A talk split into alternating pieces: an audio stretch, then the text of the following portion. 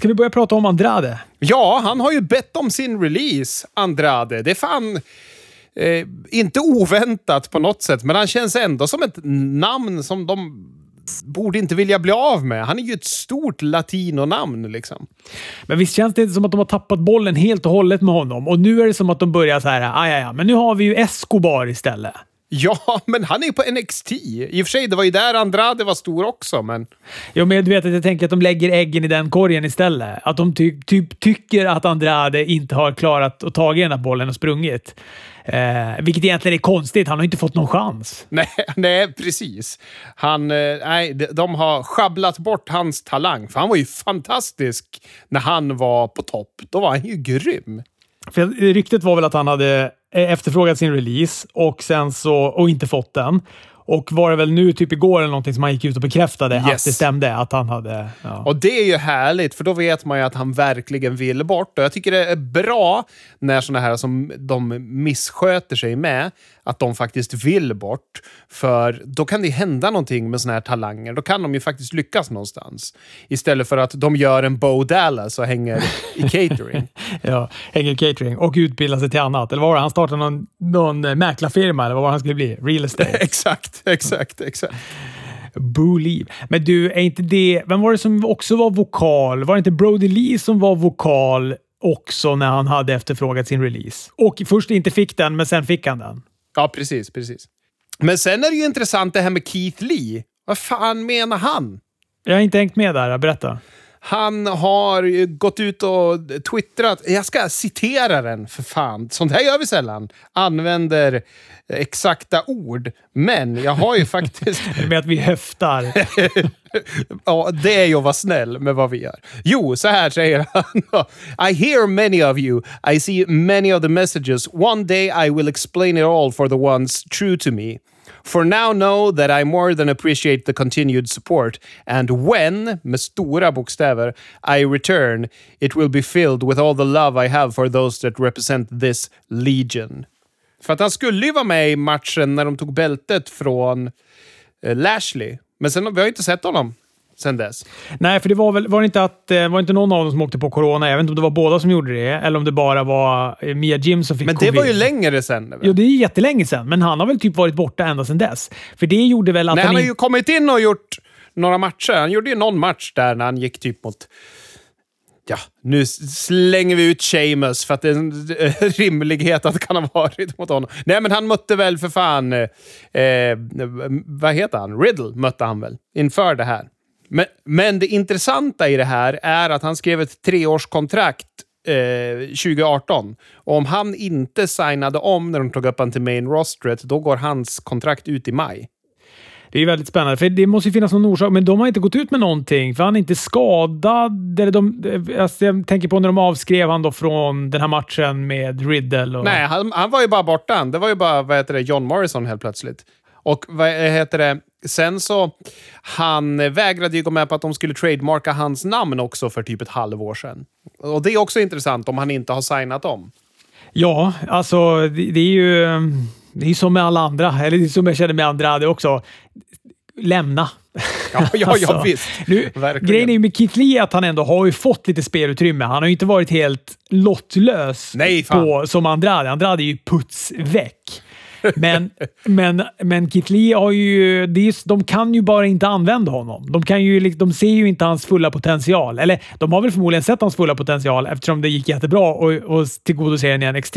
Men då när han kommer upp till den här main rostern och, och, och Vince liksom lackar ur på att han har, det är liksom en fråga om BMI och att han gör lite för mycket volter, för att det borde han inte kunna göra. Nej, då skickar han på brottarskola med Drew Gulak två gånger i veckan istället. ja, just det. Har vi hört något mer om det? Tackar han ja till det? Eller? Ja, det, det, I samma artikel som jag läste om där, då citerade de ju kring det. Så att, vet fan, det verkar ju så. Ja, det är fascinerande.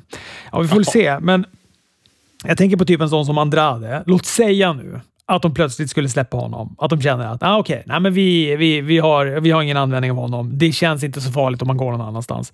Du vet, jag börjar också tänka så här.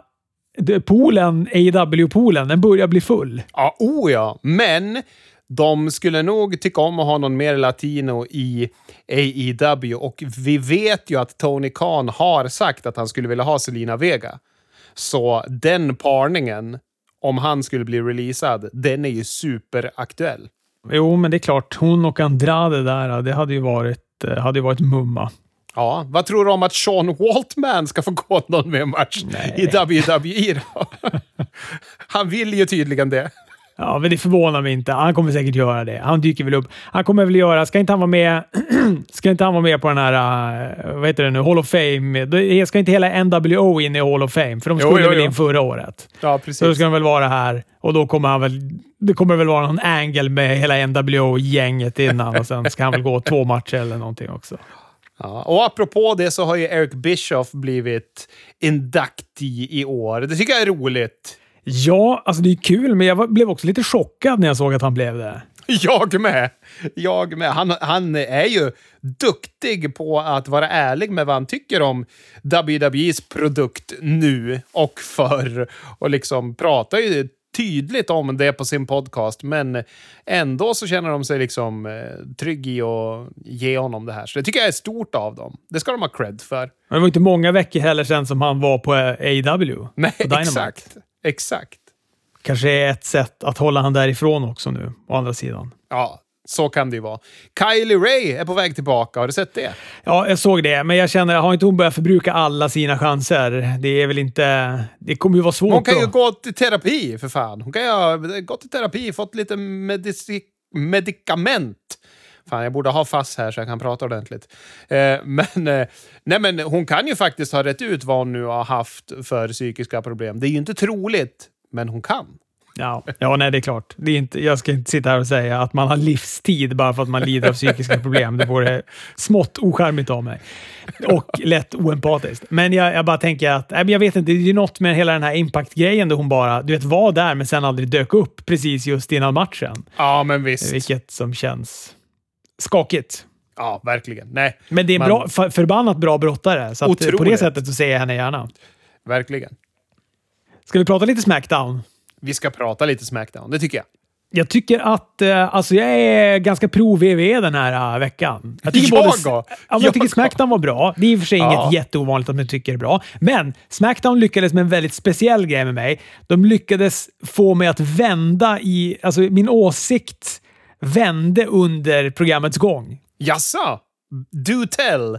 Ja, men, och, och när det gäller Raw så var det fan inte så illa. Nej, jag tycker Raw var bra till och med. Alltså, det var ju... Det fanns ju... Fan, main eventet var ju en bra match. Vi kommer ju komma dit. Så att jag, jag, vi får hålla på tankarna. Fan, när det har varit en bra vecka, då är det svårt att inte prata om allt direkt. Sen är jag bara lite orolig att jag kollar på den här YouTube-versionen och de bara har friserat bort de avgrundsdjupa dalarna som också fanns med. För det, det är klart att det fanns skit på Raw också.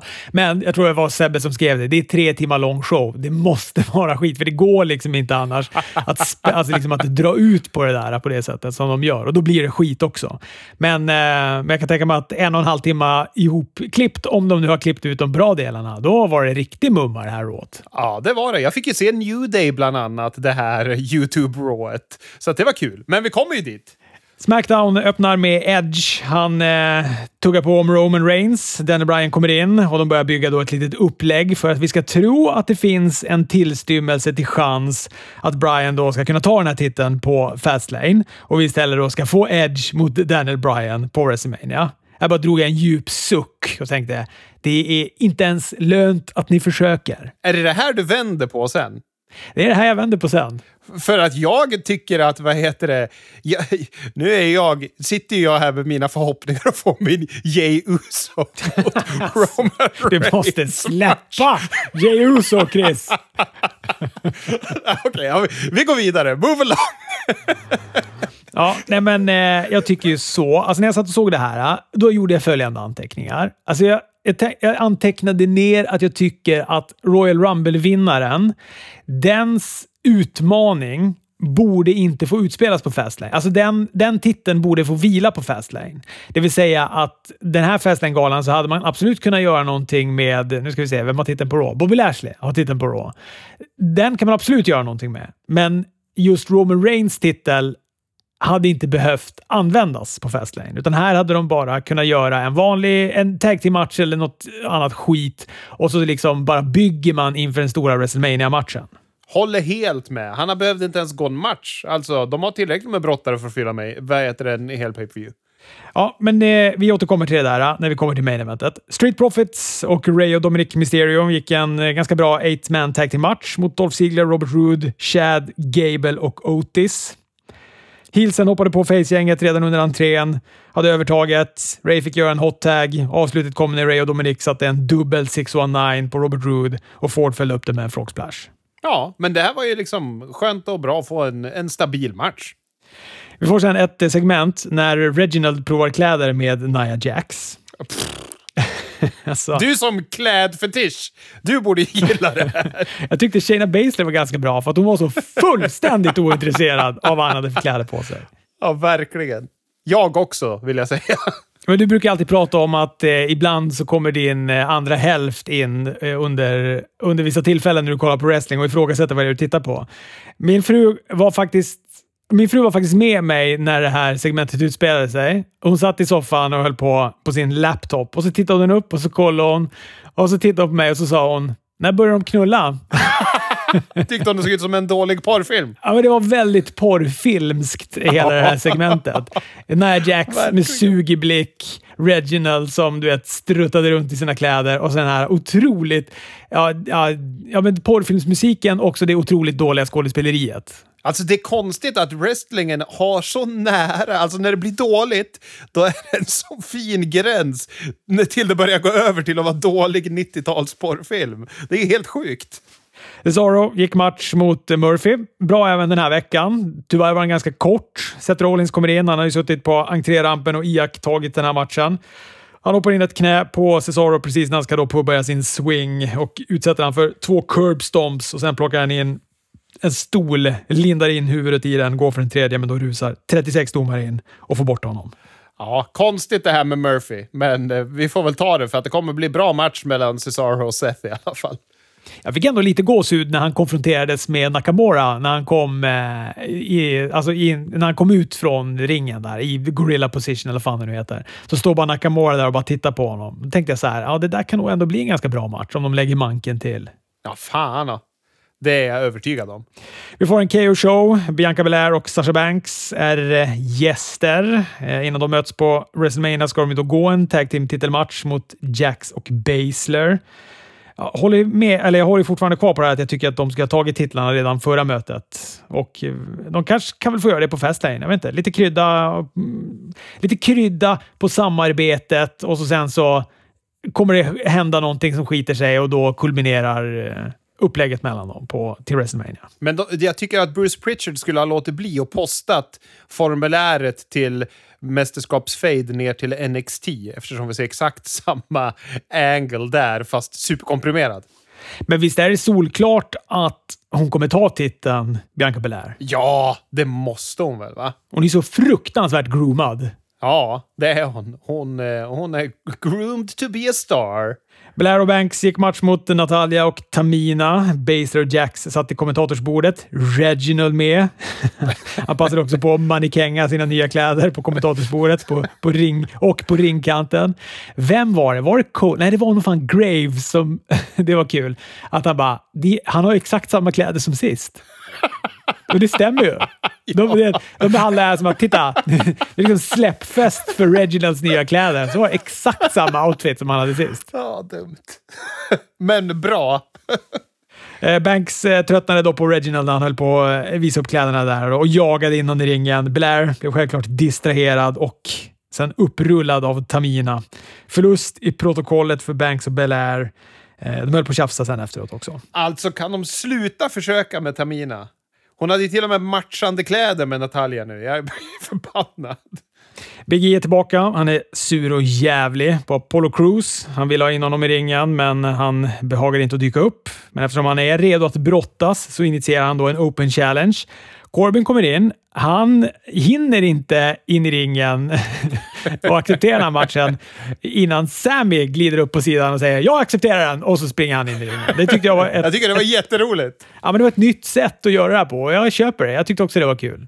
Jag har bara inte hängt med på att man måste acceptera och hinna in i ringen först. Alltså vad som var liksom... Nej, men det var väl att han sa att han accepterade. Corbin hade ju bara pratat kring det. Det var väl det han hävdade, Sami Zayn. Jag, jag Just det, sagt- han kom in, Corbin kom in. Det var ju något kläd, det var mycket klädfokus på just det Smackdownet. För att höll inte han också på att snacka om någon Steltolucci-kavaj där han hade på sig? Jo, det var jo. det han liksom, först tyckte att han behövde klippa en promo på sin kavaj innan han accepterade den här matchen. Och då passade Sammy på att skrika Ja. “Jag accepterar!” och så sprang han. Japp.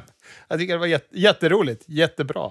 De hade också en riktigt bra match tycker jag, Sammy och eh, Big E. Ja, Sammy med en Sunset Bomb och ett nerfall. En lavett senare av Sammy fick Big E att vakna till liv. Drog på honom en close lime och ett big ending och eh, vann matchen. Och efter så hoppade Apollo Cruz på Big E bakifrån, två angle slams och sen kastade han in ståltrappan i ringen och försåg han med ett välplacerat slag med den.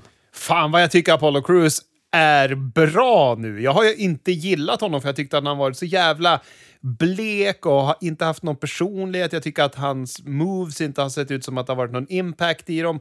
Och jag älskar honom nu. Jag älskar det att ta men jag börjar gilla honom. Jag tycker att han är fan väldigt bra som den här heel-karaktären.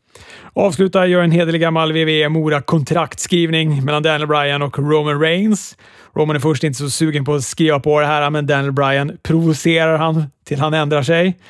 Eh, Jey Uso kommer då med idén att han ska vara Special Enforcer Referee på Fastlane. Du får gärna uppdatera mig på vad skillnaden är att vara en Special Referee och en Special Enforcer Referee. Ja, det vet jag inte. Ja. Men pump the breaks, in kommer Edge. Tycker att det här låter ju som en kanonidé, men han borde ju vara den här domaren istället.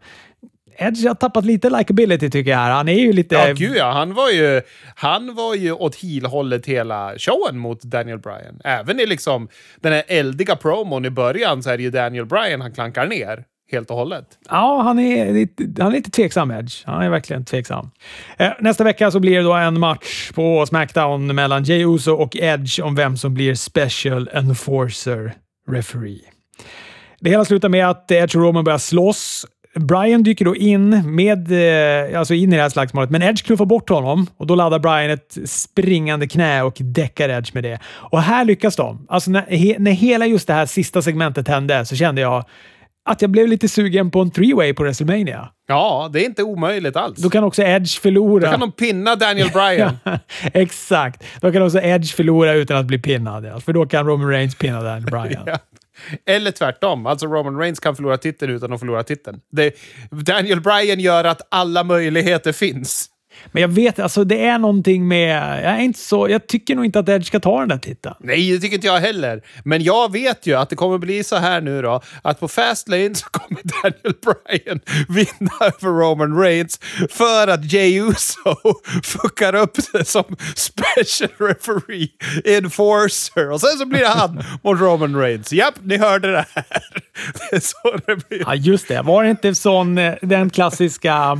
Är det en SummerSlam-matchen mellan Undertaker och eh, Bret the Hitman Hart när Shawn Michaels är special enforcer referee och ska dra stolen i huvudet på Bret the Hitman Hart, men han duckar och drar den i huvudet på Undertaker istället, vilket sätter upp deras fenomenala matchjävel på Bad Blood. Ja, och du ser. Det är det de gör igen. Nej, okej. Men en three-way tror jag att det kan bli.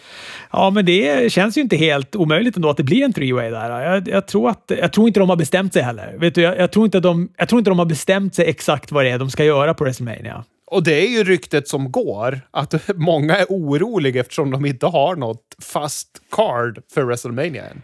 De har inget fast card för WrestleMania. Det ska vara två dagar, det vill säga det är ganska mycket matcher ändå som ni behöver mejsla ut er.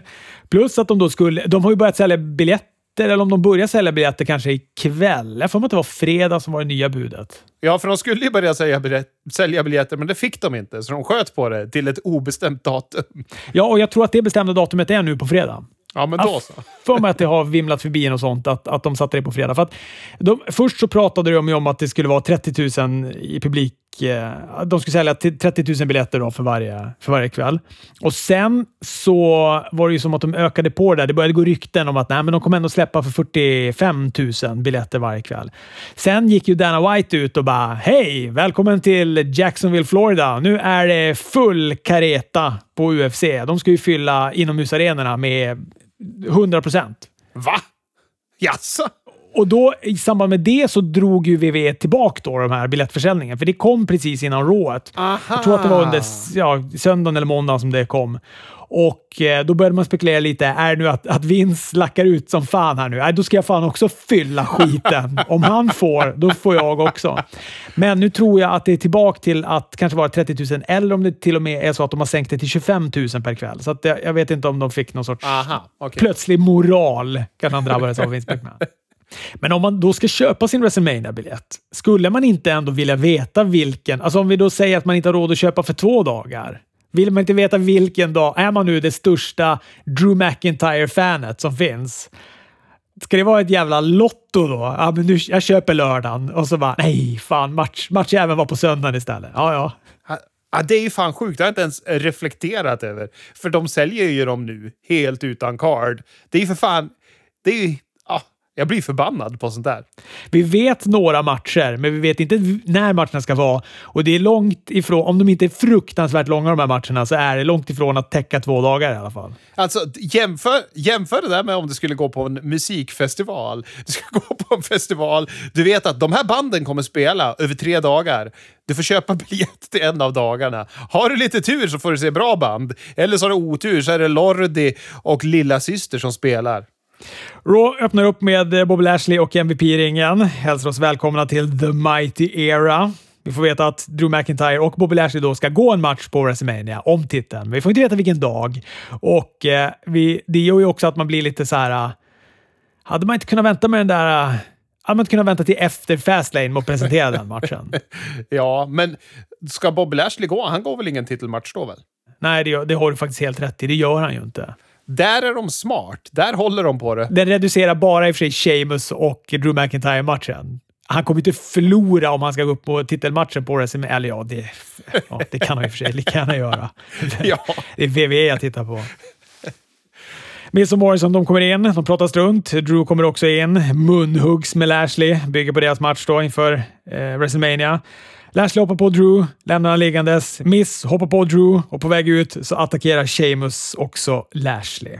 Drew möter sen då The Miss. Eh, inga större svårigheter för Drew. Det är en Future Shock DDT och det är en Claymore Kick. Men istället för ett pinfall så pekar Drew först in i kameran, sen pekar han på WrestleMania-skylten. Sen sätter han Miss i ett Hurt Lock och så tappar Miss ut. Ja, fint tycker jag. Det är bra. Det bygger snyggt. Ja, det gör det. Det är coolt att han tar hans uh, finisher och gör det. Men det var ju en alldeles för lång squashmatch det här. Det var det ju. Ja, ja, gud ja. Det är det. det. Det håller jag med om och jag är väldigt less på miss. Tyvärr. Braun ropar in Shane. En av de mest osexiga och ospännande uppläggen på Raw just nu känner jag. Det är bla, bla, bla. Ja, oh, fy fan! Det här var tyvärr med på YouTube. Apropå att de klippte bort avgrunder. Det här var en avgrund för mig. Ja, och så mynnar ut i att Braun utmanar Shane i en match. Shane accepterar. Det är liksom kontentan av hela det där segmentet. Ja. Mandy och eh, Dana mötte Lana och Naomi.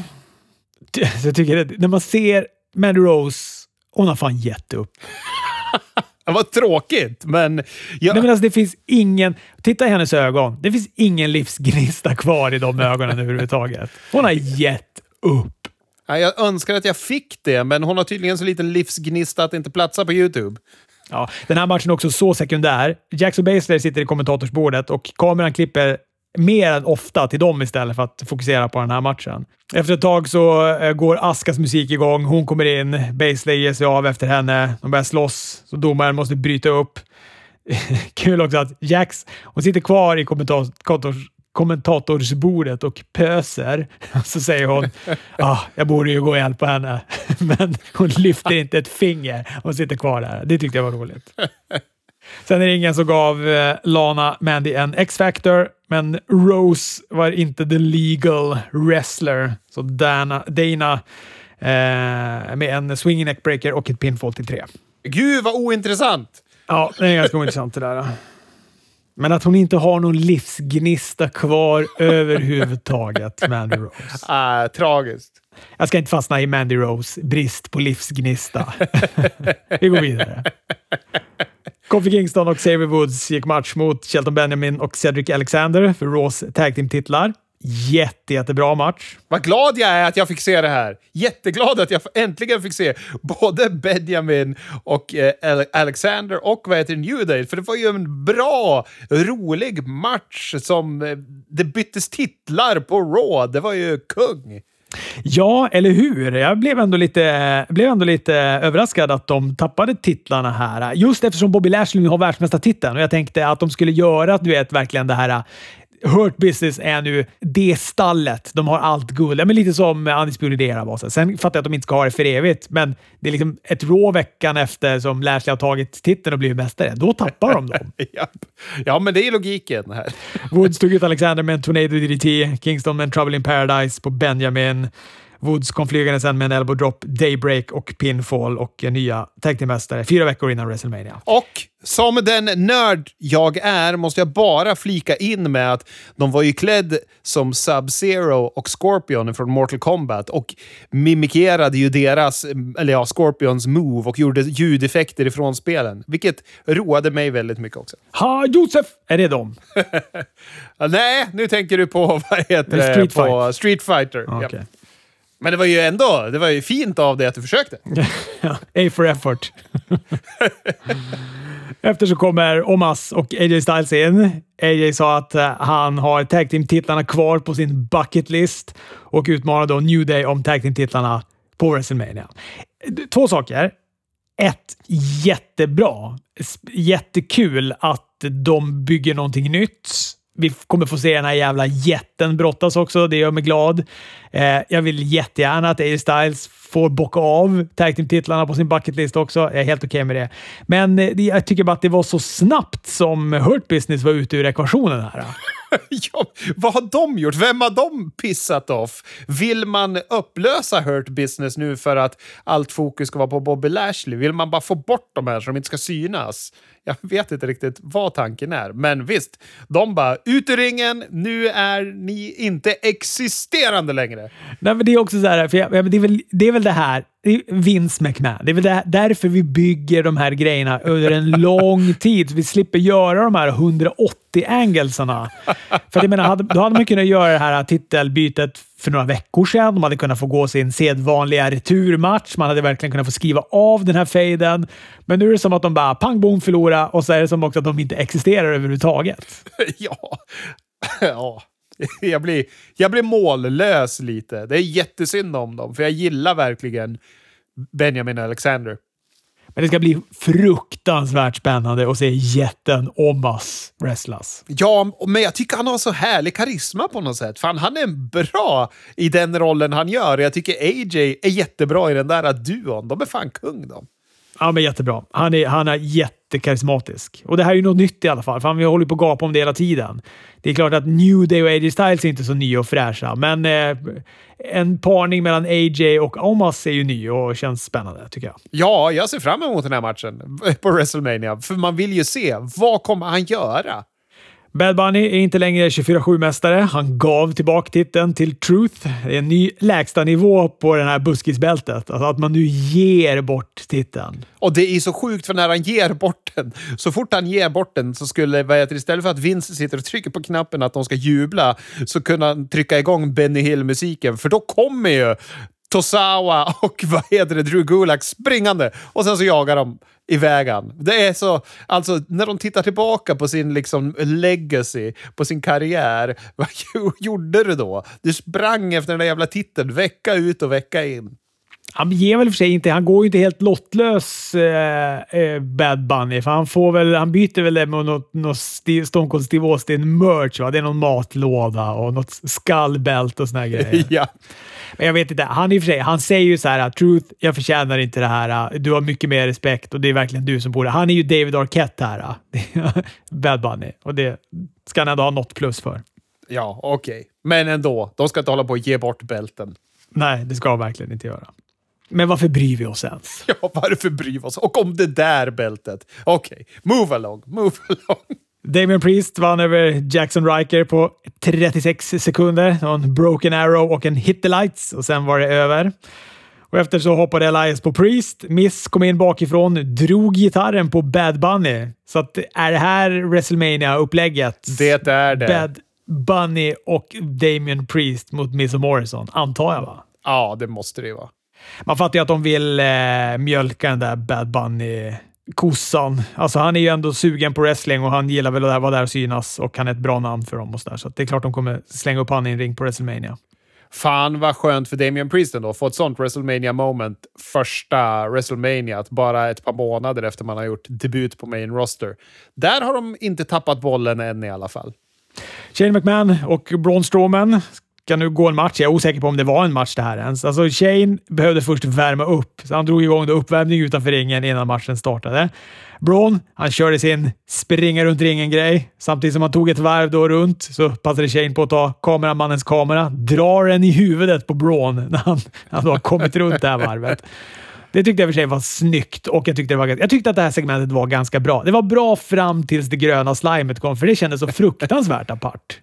Ja, vet du vad? På YouTube, då censurerar de de här kamerashotsen. Då blir det stillbild. Alla gånger han slog med kameran så vart det stillbild.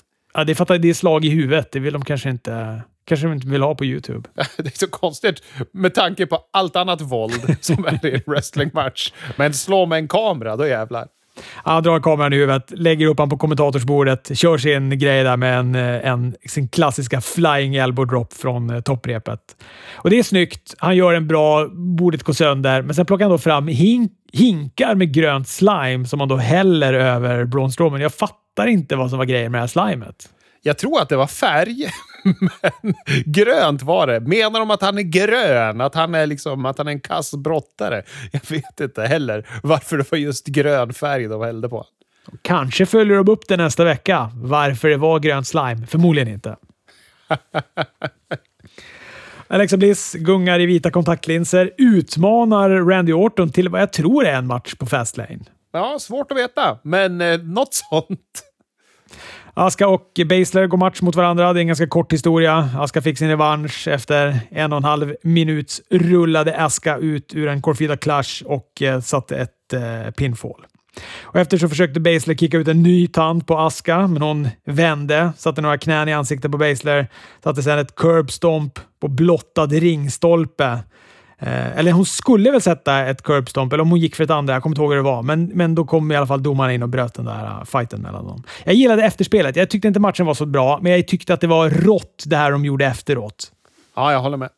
Riddle satte sin US-titel på spel mot Mustafa Ali. En eh, bra match det här också. US-titeln klär Riddle tycker jag. Han är ja, den klär honom. Han, han, ser bra ut i den. Sen är han ju fortfarande samma lite pajiga brottare som han varit innan och porträtteras på samma sätt. Så det har inte blivit någon skillnad, tyvärr. Nej, det här är ju inte med på YouTube. Det här är bortklippt. Ja, okej. Okay. Ja, han fick behålla den i alla fall. Han vann på en Bro Derek efter en liten miss där T-Bar distraherar domaren när Ali har övertaget.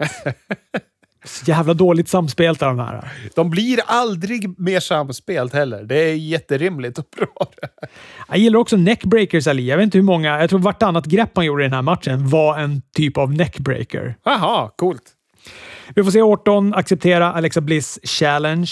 Hon, är för sig, hon har ju tagit fram den här uh, kan det bli som Ethan Page och eh, Karate Man som du snackade om förra veckan? Kan Randy Orton möta Randy Orton? Hon har ju tagit fram den här uh, onda Randy Orton är det Cinematic-matchen? Åh, oh, fy fan.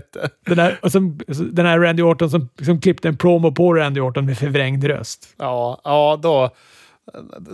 Ja, lyckas de göra det bra, då ska jag stå upp och applådera åt dem. Drew klipper en promo om att uh, han ska sitta ringside på kvällens main event mellan Sheamus och Bobby Lashley. Men!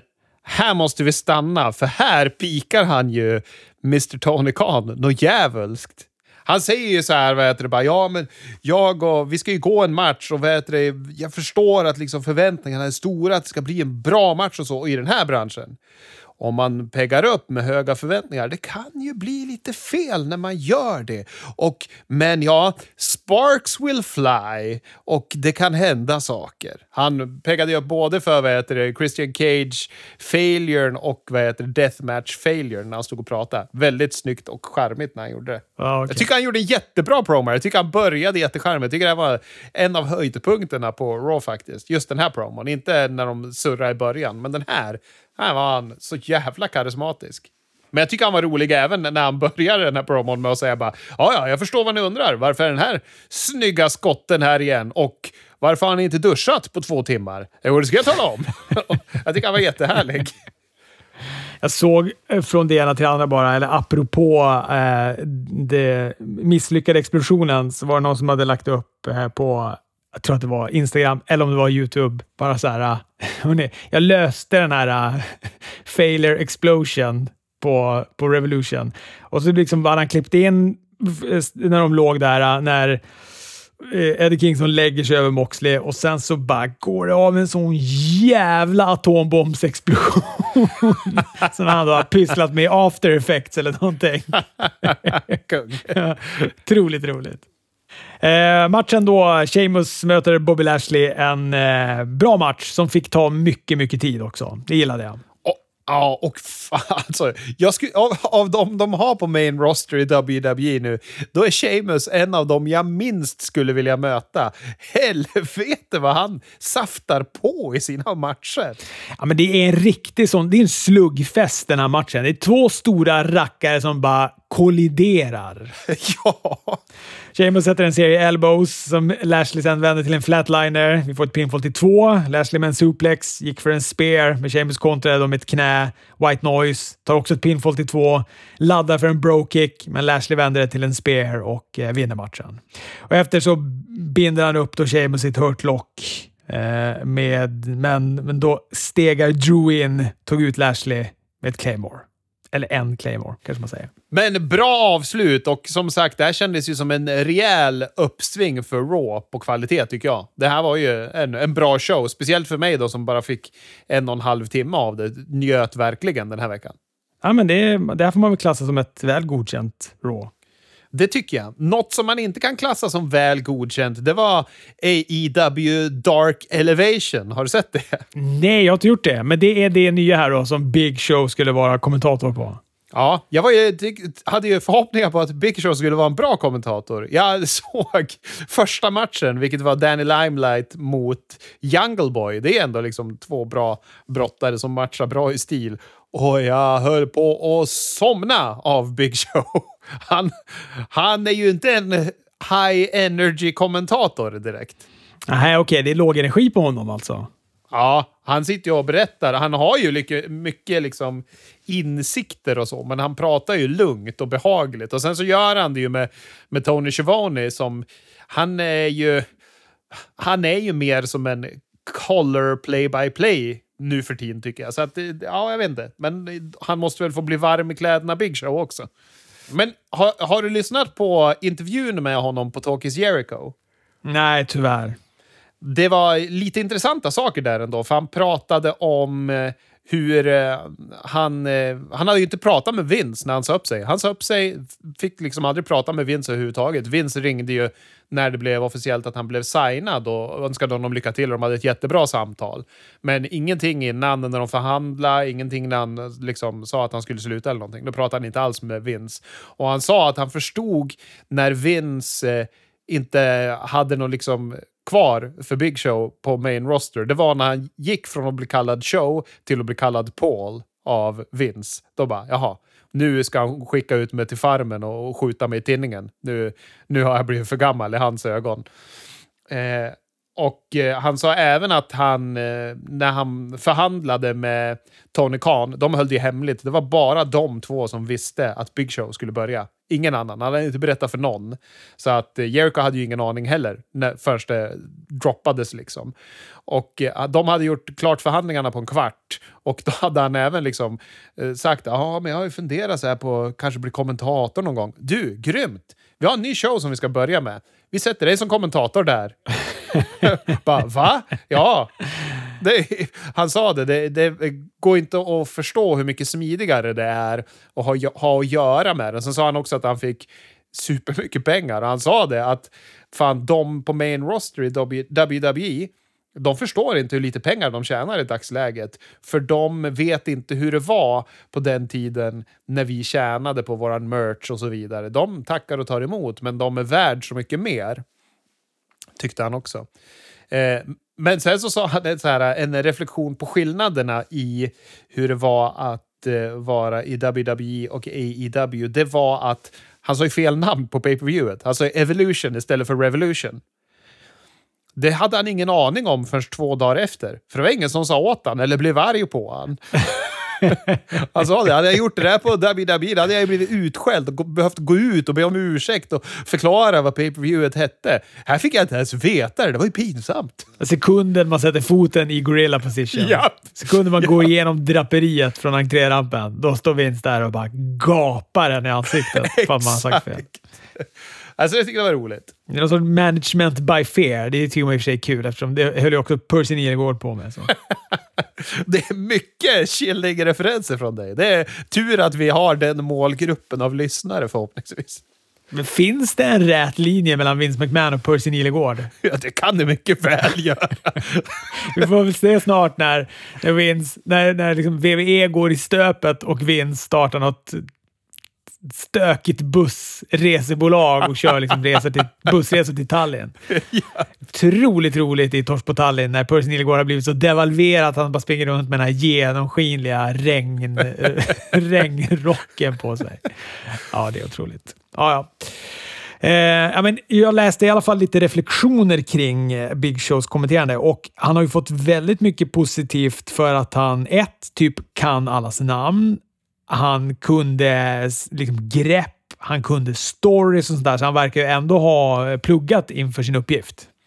Ja, men och det menar jag ju på också. Han är ju, vet du, och nu, han kanske fick energi sen. Det ska jag inte säga någonting om. Men han var ju påläst och han berättade ju hur det var i ringen, hur det var med de olika greppen och så vidare. Men han gjorde det bara med låg energi. AW öppnar med Cody Rhodes mot Penta El Zero Miedo. En jättebra öppningsmatch. Ja, och vilken karismatisk jävel han är, den där Penta.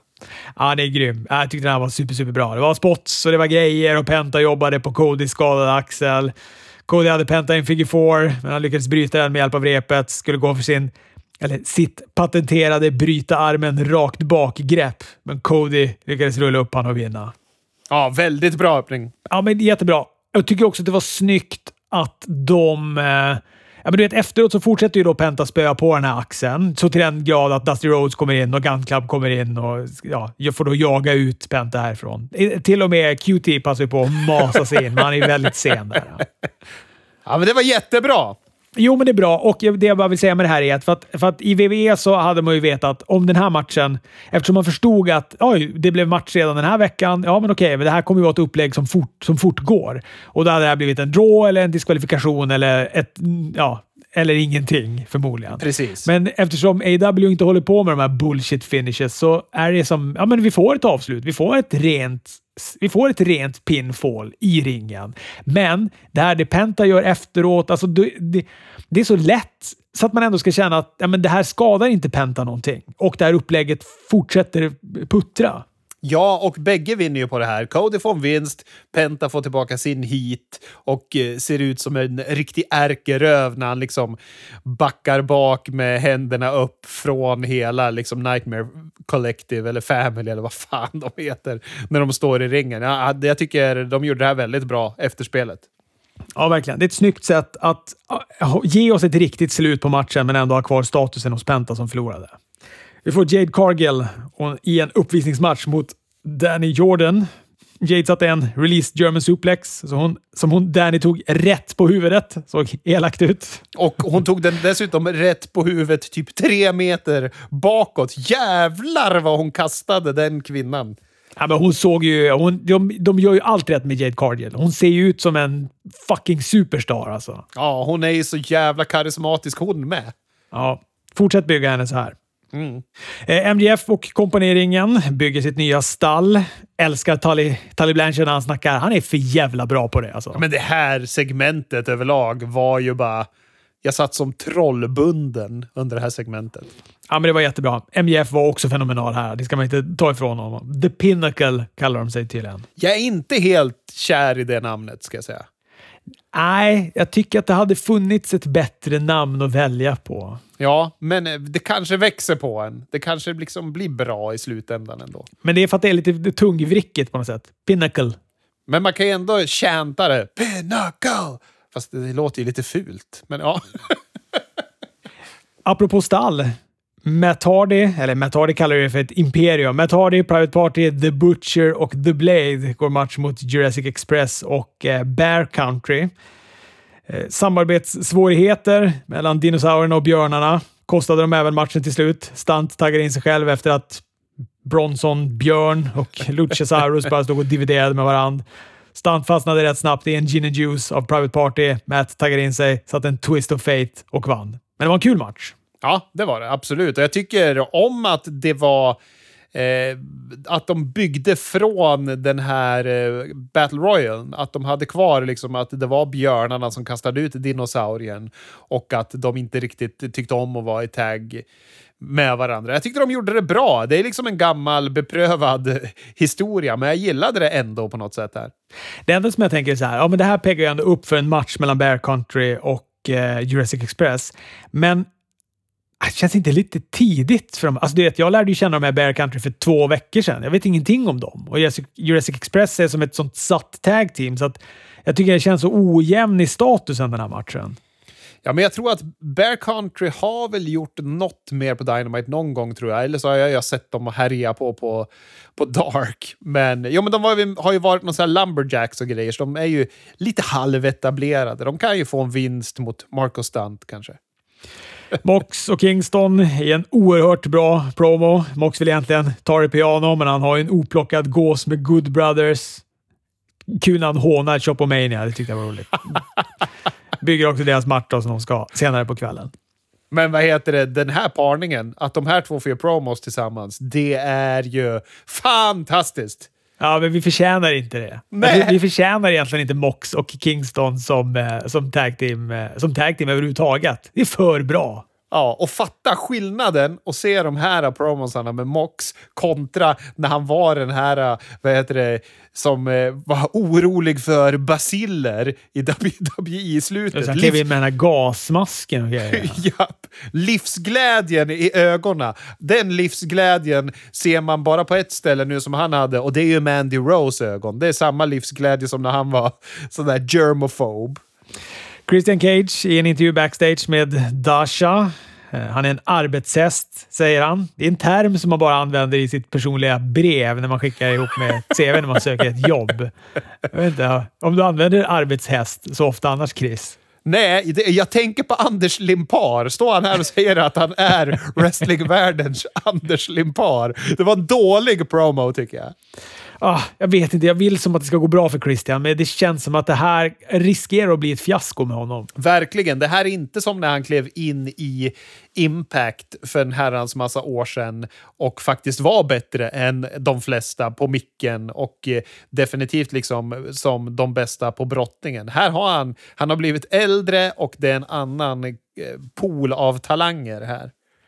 Det känns också som att man behöver ha kanske lite mer ödmjuk eh, inställning. alltså, det är inte, han är, ja, men det är ju flera år senare. Det är ju jättelänge sedan han var i sitt esse. Han har inte brottats på länge. Absolut, han var jättebra på Royal Rumble och så vidare. Men jag vet inte om det är riktigt hans... Jag tycker inte han bottnar i att säga att han ska outwork Kenny Omega, för det kommer du fan inte kunna göra. Nej, verkligen inte. Jag är orolig för den här floppen, men jag reflekterade ändå över att Tony Khan får mycket skit för att han säger att det ska komma stora spännande grejer som kommer förändra världen. Vi ska komma ihåg att Dixie Carter sa att det kommer vara den största, mest spännande händelsen som har hänt i wrestlingens historia. Det var att Tommy Dreamer gjorde en run-in, så att hon äger ju faktiskt den här nummer ett-positionen fortfarande. Men snart kan Tony Khan kliva förbi. John Moxley ledde Kingston, gick match mot The Good Brothers. Började redan under Kingstons entré. Good Brothers hoppade på dem bakifrån. Eh, matchen började först med att vara stök utanför ringen. Sen så tog de sig in. Eh, ganska röjig historia. Kingston ligger risigt sig till inledningsvis, får hot tag till Mox. Pang, pang, pang. Mox rullar upp Anderson med en inside cradle efter att ha lyckats undvika en magic killer. Och, eh, och vinner den matchen. Och direkt efter så hoppar Good Brothers på dem igen. Omega och Callis kommer in, fortsätter misshandeln. Till slut kommer då Young Bucks för att stoppa dem. Och efter en dels diskussion, Bullet Club emellan, så vägrar också då Bucks att Too Sweeta, ifall man nu kan uttala det så, eh, Omega och eh, gänget. Ja, och vad jag vill passa på och säga att tidigare så har de ju faktiskt haft ett segment när Young Bucks prat, eller konfronteras av Don Callis när han erkänner att han inte har blivit sparkad av dem. Och han försöker ge dem en tröja där det står “No leg slapping” på som de blir förbannade över. Just det. Ja. ja, det är kul. Men jag tycker det här var ett bra segment. Jag tycker att Eddie Kingston var fantastisk när han låg utanför ringen och skrek att han ville in till ringen till Mox. Han är för fan så jävla bra på små detaljer. Jag gillar också att det börjar koka över för Bucks, för det kommer ju ändå kulminera i en match mellan Bucks och Good Brothers. Och, ja, sen får de väl kanske göra någonting med Omega och Bucks också, tänker jag. Ja, gud ja, det var ju Omega som konfronterade dem som mest. Han stod ju fan och mucka med dem. Men jag tycker att Bucks är lite så här osköna nu. Jag tycker inte de är så sympatiska. De är bara så här surmulna hela tiden. ja, de är lite trumpna, det är de. De är ju ändå mästare, så att fan. Le för helvete. Men, eh, men jag tänker att du också du är så färgad för att du har läst den här boken och tycker att de är osympatiska där. Ja, jag vet det. Jag vet det. Jag vet det. Jag ska, jag ska försöka släppa det. Separera på person och konst. Det är svårt. Vi får Ray Phoenix mot Angelico. Den katten Phoenix gjorde så Angelico landade liksom rakt som en spik med huvudet. Den var galen. Ja, men de är ju kung tillsammans, de här tycker jag. Jag tycker de här hade väldigt bra kemi. Det var en jätte, jättebra match där. Phoenix vann efter en eh, Crucifix Bomb och en Fire Thunder Driver. Äh, jätte, jättebra. Inget att klaga på där. Alex Marves snackade med Dark Order. Negative One ville utmana Darby för TNT-titeln. Det var väldigt, väldigt roligt. Men det slutar med att det är John Silver till slut som, som ska få den matchen, eller som ska utmana honom. Men då måste vi ha missat eh, Sting och Darby-segmentet, för det måste ju ha skett innan det här. Vi har ju ett segment när Tony Schiavone ska intervjua Sting i vanlig ordning och även Darby Allen. Då. Och Sting kommer inte säga någonting i vanlig ordning, men Darby Allen säger ju att han är en fighting champion. Han tycker att det är pinsamt att han bara har försvarat titeln tre gånger sedan i november, så nu ska han börja utmana folk. Han eh, vad heter det, slänger över bollen till Dark Order. Det är därför vi fick det segmentet vi fick sen. Men sen kommer ju Team Taz ut och här har vi månne en face-turn av Brian Cage, va? Ja, för han tar mikrofonen och så säger han att äh, du Tess snackar inte för mig den här gången. Och så ger han ju liksom hatten till Sting och bara ja, jag respekterar dig. Du är, du är en gammal gubbe men det är krut i dig och du är en legend, typ. Ja, och sen så går ju han ut utan att ha med sig Team Taz och de bara “Vad sysslar du med?” Så bra! Jag vill ju ha Brian Cage som face, så att jag tycker det här blir kung. Ja, men jag satt också och tänkte det när, när det där hände. Så tänkte jag, ja, men det är bra. Det är, det är bra av två orsaker. Det är bra att du kommer bli face nu och jag tror att du kommer passa bäst, bättre som face. Och två, då kan du slänga den jävla FTV-titeln i papperskorgen. För den vill jag aldrig mer se. Nej, och sen så kommer ju även Lance Archer ut och stökar här och vad heter det, håller på och ska döda Sting. Det händer mycket i det här segmentet. Ja, och Sting säger inte ett ord. Nej, vad i helvete enkla pengar.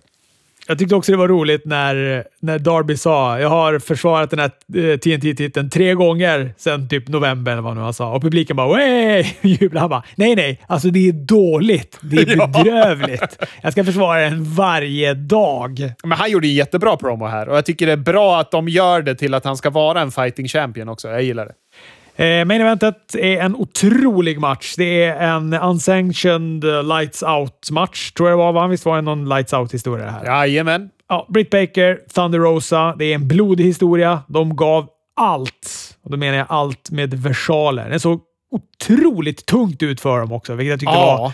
var alltså, tungt ut på ett bra sätt. Det såg verkligen ut som att de gasade i 180 hela matchen, rakt igenom. Nej, det var sjukt bra den här matchen. Ja, den överträffade alla förväntningar jag hade på den. Jag var lite ljummen mild, milt sagt inför att aha, en lights out-match som main event mellan de här två. Har inte vi sett nog? De kommer hålla på och stöka på och slå varandra med någon kendo-stick, men oh boy vad jag hade fel. Ja, det var så fruktansvärt bra. Tidigt tog också Baker på en Crimson Mask också av att Thunder Rosa eh, shotgun dropkickar en stege rätt i huvudet på henne. Vilket också var väldigt effektfullt med allt det här blodet i ansiktet på Baker. Ja, ja nej, men det här var fantastiskt ju. På en onsdag, på en vanlig onsdag. Massa hårda spots. Rosa satte en Death Valley från topprepet ner på en stege. Baker med en DDT och en curb stomp på en hög med stolar. Eh, det var till och med Rebel dropkickades väl ut från ringen genom ett bord. Hennes insats var väl sådär. Hon hade något slag där i början som såg otroligt svaga ut. ja. Rosa satte en powerbomb på Baker på en matta av häftstift. Otroligt visuellt med Bakers liksom blodiga ansikte och ryggen och låren täckta av häftstift också. Ja, fy fan. Baker fick till slut in en lockjaw, men Rosa rullade då in i häftstiften så Baker bröt den. Alltså av smärta. Det var för att hon hamnade. Ja, det var så eh, snyggt och väldigt smart. Ja, så jävla bra. Allt avslutas med att eh, Rosa naglar en eh, Fire Thunder Driver från ringkanten genom ett bord. Ja, otrolig match var det. Otrolig. Ja, och här, nu kändes det som att fan, de har en bra Women's Division ändå. Vad kul! De här, de här två här i den här matchen så lyfte ju de hela Women's Division för AEW, tycker jag. Kanske till och med en av de bättre matcherna generellt jag har sett. I alla fall 2021. Det är inte jättemycket som har gått av 2021, men ändå. Alltså, men den, jag gillade att den gjorde så mycket med mig den här matchen. Den var så effektfull. Ja, ja, ja jag håller bara med. Jag, jag hatten av till båda. Och, ja, och även den som har liksom varit eh, agent för den här matchen gjorde också ett fantastiskt jobb. NXT öppnar upp med surr. Det är så otroligt tydligt att det är alltså en riktigt bra match i början. Gör så mycket mer med energin av hela showen, tycker ja. jag. Det här tugget ja. i början. Alltså, det är inget dåligt. Det är Balor i ringen. Han snackar om att han fortfarande är champ. In kommer Karen Cross. In kommer Scarlett. Snickeli-snack. Scarlett säger att hon redan har sett det här i sina kort. Det är lite flummigt. In kommer Lorken och Birch. Det är mer snack. Scarlett föreslår då en tag team-match mellan Lorken och Birch mot då Cross och Balor. Eh, och eh, de är först lite negativt inställda till det här, men då använder då Scarlett the Force. Så att plötsligt så accepterar de den här matchen. ja, hon är ju någon form av vampyr eller något känns det som. Att hon ska vara. Ja, det är något, eh, ja, det är något luddigt hon är. Ja, verkligen. Men One Lorkin är inte bäst på micken heller, vilket inte förstärkte det här introsegmentet. Första matchen är Dexter Loomis mot Austin Theory. Gargano och Candice är hemma. Austin snackar med... Eh, eller nej, jo, Austin Theory snackar med, med dem backstage då på Facetime eller någonting, på en surfplatta. De säger att det här är sista steget i hans terapi. Du ska klara dig själv. Det är så konstigt. Varför går Austin Theory runt och ringer folk på en platta? Han är den enda som inte använder telefon. Han är ju någon farbror han som går runt och ringer med sin iPad. Just att det är så nanosekunder innan han ska gå in i ringen också. För hans musik har väl börjat ja. dåna i bakgrunden också. När han bara, för just det, jag ska ringa Gargano och Ellie Ray just det, innan jag går in. Ja, helvete. Ja, Dexter ströp ut Austin. Eh, kändes som att det var ett kändes som att det här var ett upplägg som de hade kunnat mjölka lite längre. För nu var det en match och så var det en ren förlust och så, ja, känns det som att det är över nu. Ja, men jag fattar inget. Jag fattar inte, för att han är ju arg på honom för att han ska snacka skit om honom, vilket han inte har gjort. Och sen så står de där och så ska han krama Dexter för att han kommer på att han inte har snackat skit. Och då gör Dexter sin finisher på honom. Det var ju bara, jag fattar ingenting. Storyn bara, det var ju bara sämst. Det är ju samma sak här. Ni har två takeover-dagar att fylla, så att ni ska väl kanske inte blåsa av alla era upplägg som, som puttrar. Nej, verkligen inte. Men ska inte han ta titeln av Gargano då, tror du? Ja, det ska han säkert göra. Ja, det var en match. Punkt. Cole klipper en promo på O'Reilly. O'Reilly dyker upp på skärmen. Eh, det är för safety reasons, säger han. Han eh, klipper en bra promo om att han inte kommer vila en sekund innan han har avslutat Adam Cole. Det var bra grejer. Ja, fan då. Legado del Fantasma vann över Brisango i en bra match. Escobar var med Del Fantasma in till matchen. Eftersom kommer Jordan Devlin in. Eh, så att Escobar kunde hänga av sig den där replikan till Cruiserweight-titeln han går runt med. Bra promo av båda här. Ja, verkligen. Jag tycker att just det här när Devlin säger att det är så här en mästare ser ut och det peggar upp så jävla skönt för den karaktären Escobar är som står och ser ut som en mästare ska se ut och bara nej, nej, det är så här en mästare ser ut. Jag tycker att det här är bra upplägg. Jag gillar det här och jag måste även ställa mig frågande till om Tyler Breeze tjänar mer pengar på att gå matcher på NXT än om han skulle låta bli, för han släpar ju sitt lägg hela tiden. Ja, just det, det tänkte jag inte på, men det gör han väl säkert. Ja. Han är väl en av dem som har slä, släpat mest. Ja, han har ju det. Så att det är synd om stackaren om de nu får böter, som det sägs. Han kommer du vet, in, in för draperiet där och så säger det är väl Triple H som hänger där. Nu var sig inte Triple H där. Jag vet inte om han är coronasjuk då. Det, det ska man väl Jaha. säga. Man kände, ju på, man kände ju att det var ett, ett omarbetat NXT där eftersom de hade tappat så mycket. Det är väl något stort coronautbrott som gör att det är flera som är borta. Men det vore roligt då om han bara du vet, så här, sätter, sätter han framför någon VHS och så trycker han på play där han bara klippt ihop alla slaps. alla slapping the thigh han gör och så så är det bara en pengaklocka med bötessumma som bara pling, pling, pling. Sadistiskt, men troligt. Ja, verkligen. Management by fair. Ja, exakt. Så i Starks går match mot Dakota Kai. Det här tyckte jag också var en bra match. Jag tyckte att eh, den här Starks fick ändå se bra ut. Hon är ju lite svajig här och där, det är hon. Men det är mycket fram och tillbaka. Eh, rolling Firemans carry av Stark, men åker på en spark av Dakota på ringstolpen. Dakota med sin go-to-kick, pinfall och vinst. Ja, ja, men jag tyckte det här var bra. Jag tycker de bygger den här Zoe Starks bra, även fast hon inte liksom får vinna här. och så. Jag tycker att eh, de har showcaseat henne bra. Yushirai stormar sen in efteråt med kontrakt till Gonzales. Jag gillar att det är hon som jagar utmanaren. Ja, det, för mig är, var det för, förra veckan så kände jag att jag var lite störd på det. Att hon sa att hon ville ha henne. Jag tyckte att det var fel i världsordningen. Aha, ja. Men eh, men eh, jag köper det och när jag har köpt det så tycker jag att det här var effektfullt och snyggt. Ja. Tomasa Ciampa och eh, Marcel Bartel, frankerad av Fabian Eichner. Ingen Thatcher. Han var på resa. Jag kommer inte ihåg vad de, vad de förklarade varför han var borta. Nej, men han tror väl att han är vad heter, kidnappad, va? Och då säger ju Ciampa att han har tagit Wolf. Han löste i alla fall det här själv, Champa. Det var några springande knän på dem båda. En German suplex följt av en Windows Bell och eh, vinst för Tommaso Ciampa. Och sen du. Sen du. Ja, oh, fy fan. Alltså, du vet, det är, alltså, sen så släcker de då ner. Imper Imperiums musik går igång och så är det då Walter som uppenbarar sig. Och du vet, jag får ju som gåshud av den karjäveln. det är, och så sen du vet när han också, när han, Imperium hoppar ju på och kämpar bakifrån. Walter liksom går in i ringen, han går sakta in och så bara slår han Champa till backen med ett sånt där pistolskotts-chop. alltså det är... Jag tycker att det är, det är för bra. Jag förtjänar inte Walter heller. Nej, alltså den mannen, han kan döda med sina flatnävar. Alltså, jag tycker synd om en sån här som Champa då, som ska vara en tough guy och en locker room leader. För det går inte att spela oberörd när någon slår en med en hel jävla laxsida rakt i bröstet. ja, nej. Det är bara hacka, det är bara bita ihop. Nu kommer den snart, tänker man. Och så är det bara att bita ihop. Ja, fy fan. Och sen kommer det öronbedövande pistolskotts Choppen. Ja, det är underbart. Är det. Men det är, han sätter också en powerbomb på, eh, på Champa som eh, ja, helt nedslagen. Men eh, man blir ju, den här matchen blir man ju otroligt sugen på. Ja, och vad heter det? Jag blir bara... Det, det, Imperium, det är så jävla visuellt, coolt. Walter är så jävla kung och de är ju bra. Alltså, ja, Imperium, det är så jävla bra bara. Jag har inget bättre ord. Jag kan kasta hur mycket superlativ på det som helst. Äh, det är härligt.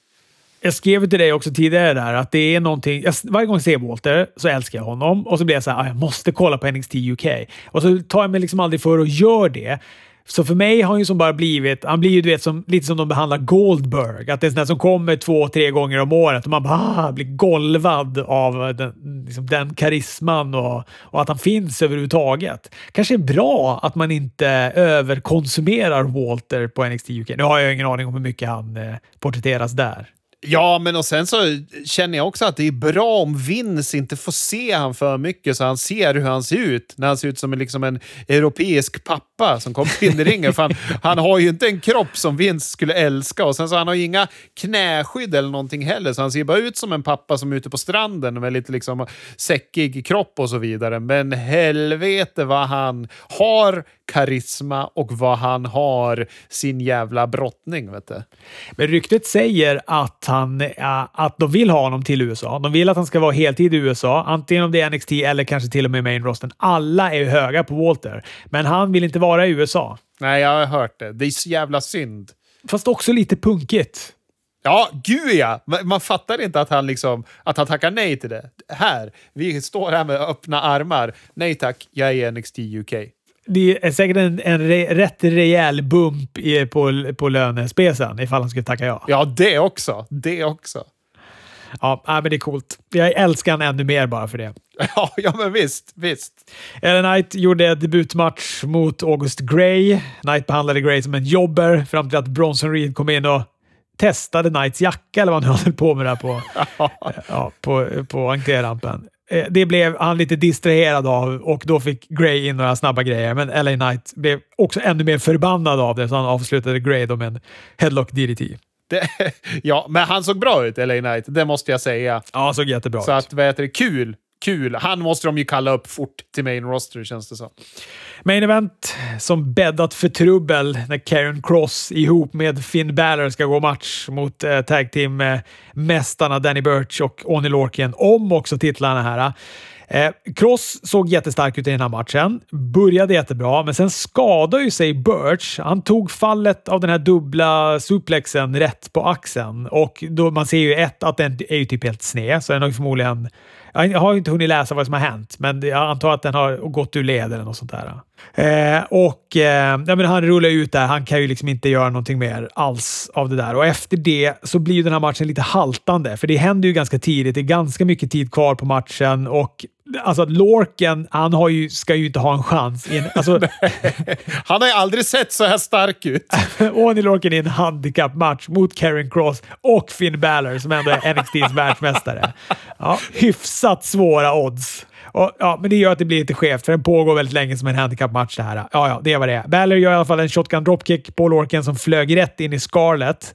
Och då såg ju Cross rött och drämde Baller med huvudet före i plexiglaset. Skickade in honom i ringen så Lorkin kunde ta pinfall och eh, vinna den matchen. Så att de behöll ju sina titlar eh, och efter så mosar ju Cross Baller ännu mer och det avslutar NXT. Ja, nej, men vad heter det? Gillar upplägget mellan Karrion Cross och Finn Balor. Tycker att eh, Oni Lorkin, det här måste ju vara på hans highlight reel när han fick liksom gå den här matchen och vinna den. Han vinner en handikappmatch mot de här. Är också inte avslutningsgreppet typ en, så här, en elbow drop eller någonting? Han vinner, han vinner ändå. Han tar ändå pinfall rent på NXT-världsmästaren Finn Balor med en elbow drop. Ja, oh, helvete. Ja, men dislocated shoulder, eller separated shoulder. Så att han blir ja, borta ett tag, ser jag nu. Jaha, oj då. Tråkigt. Kan jag tänka mig. Det var väl det Karen Cross också hade? Var det inte separated shoulder? Ja, men om den är dislocated, då, då kan han ju vara tillbaka nästa vecka känns det ju som. Ja, men det står separated. Jag vet inte vad skillnaden är. Nej, det har inte jag någon aning om. Jag får kolla i FASS. Det står ju bara medicin där, men ändå. Ja, men eh, bra show. Improviserat slut, men det är vad det är. Lite som den här showen! Hörrni, vi håller också tummarna för att ni är med oss även nästa vecka. Tack för att du har lyssnat. Vi hörs!